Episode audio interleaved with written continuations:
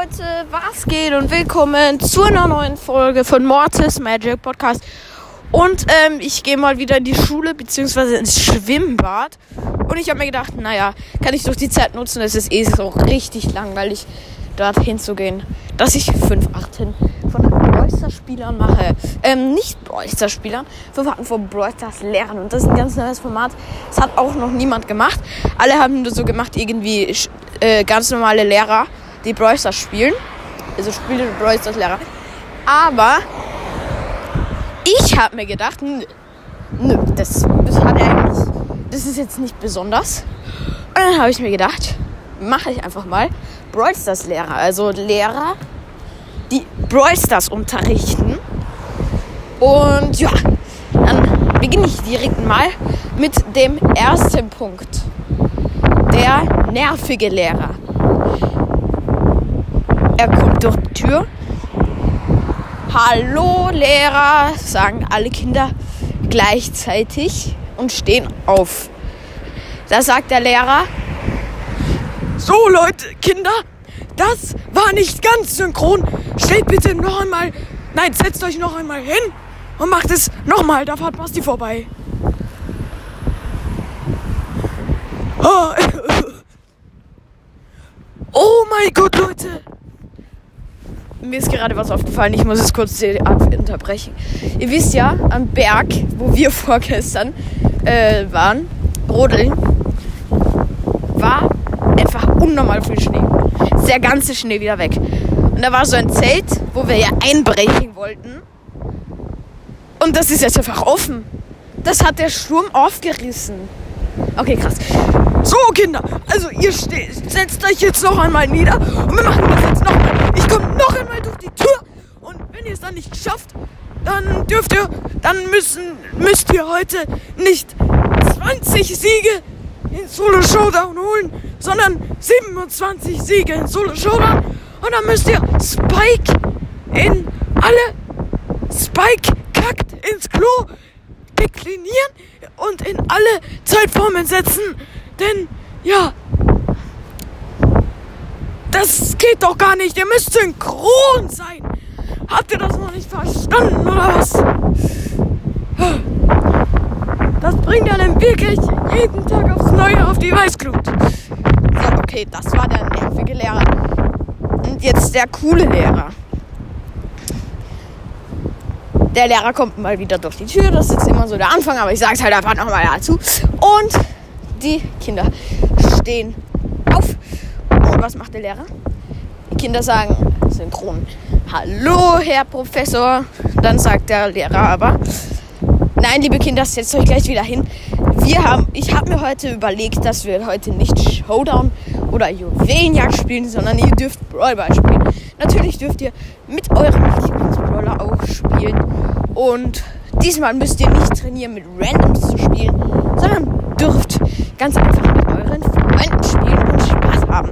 Natürlich dürft ihr auch Solo-Showdown spielen, denn das ist meiner Meinung nach der beste Modus. Aber ja, ihr dürft natürlich jeden Modus heute spielen und ihr dürft auch Box-Openings machen. Eure Kreditkarten der ähm, Schulleiterin ist, sind mit euren iPads verbunden und ihr könnt auch riesengroße Box-Openings machen.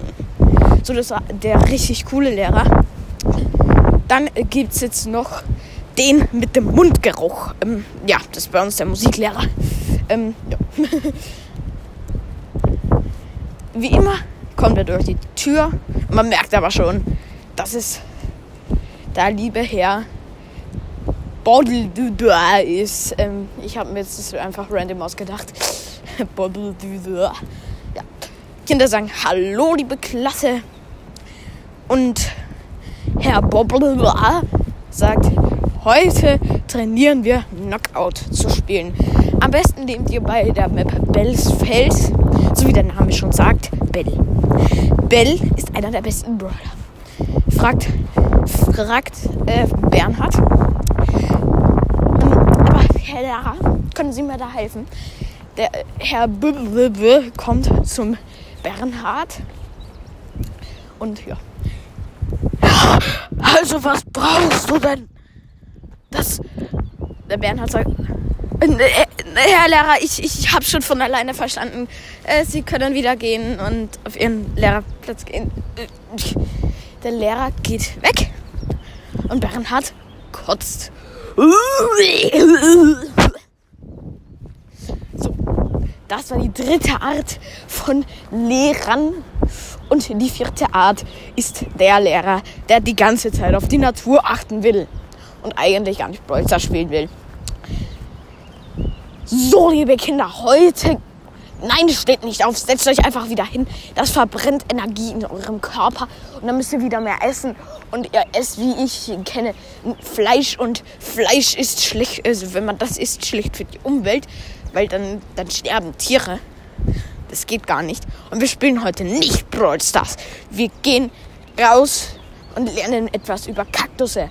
Also Spikes. Es hat zwar was mit Brawl Stars zu tun, aber so geht das nicht. Wir können nicht immer nur drinnen sitzen, im stickigen Raum, in der Dunkel, in der Finsternis.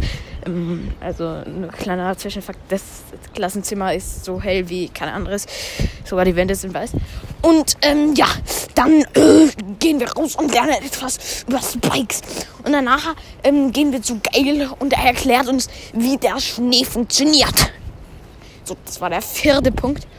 Und der letzte Punkt ist einfach der, den nichts interessiert und der am liebsten einfach gar nichts machen würde und der gar keinen Bock auf seinen Job hat. So, liebe Kinder, wir spielen heute mal wieder Brawl Stars. Und ja geht halt einfach mal in Solo Showdown rein und holt ein paar Wins. Ich, ich lese dabei mal eine Zeitung, okay?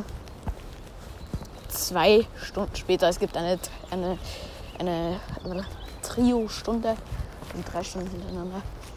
Herr Professor, wir haben jetzt schon ziemlich viele Siege geholt, ähm, aber nicht nur in Solo Showdown, ähm, sondern jetzt auch im Brawl Ball und vielen anderen Modis auch ähm, dürfen wir jetzt auch, also können Sie mit uns jetzt auch etwas machen, also uns etwas beibringen? Fragt Fritz darauf der Lehrer. Nein, ich lese hier meine Zeitung. Hier ist etwas Spannendes. Und zwar, dass sich die kleine Gerantine im Kindergarten Spikus ähm, äh, beim Lehrer also beim Kinder, bei der Kindergarten Tante Pam das Knie aufgestürft hatte. Ich meine, sowas geht doch nicht. Da muss man doch weiterlesen und sich nachher bei der Polizei beschweren. Ja, ähm, ich weiß, das ist alles mit Spike, aber okay. Ja, das äh, waren eigentlich, würde ich sagen, alle Arten von Lehrern. Und jetzt kommt vielleicht noch eine Folge, keine Ahnung.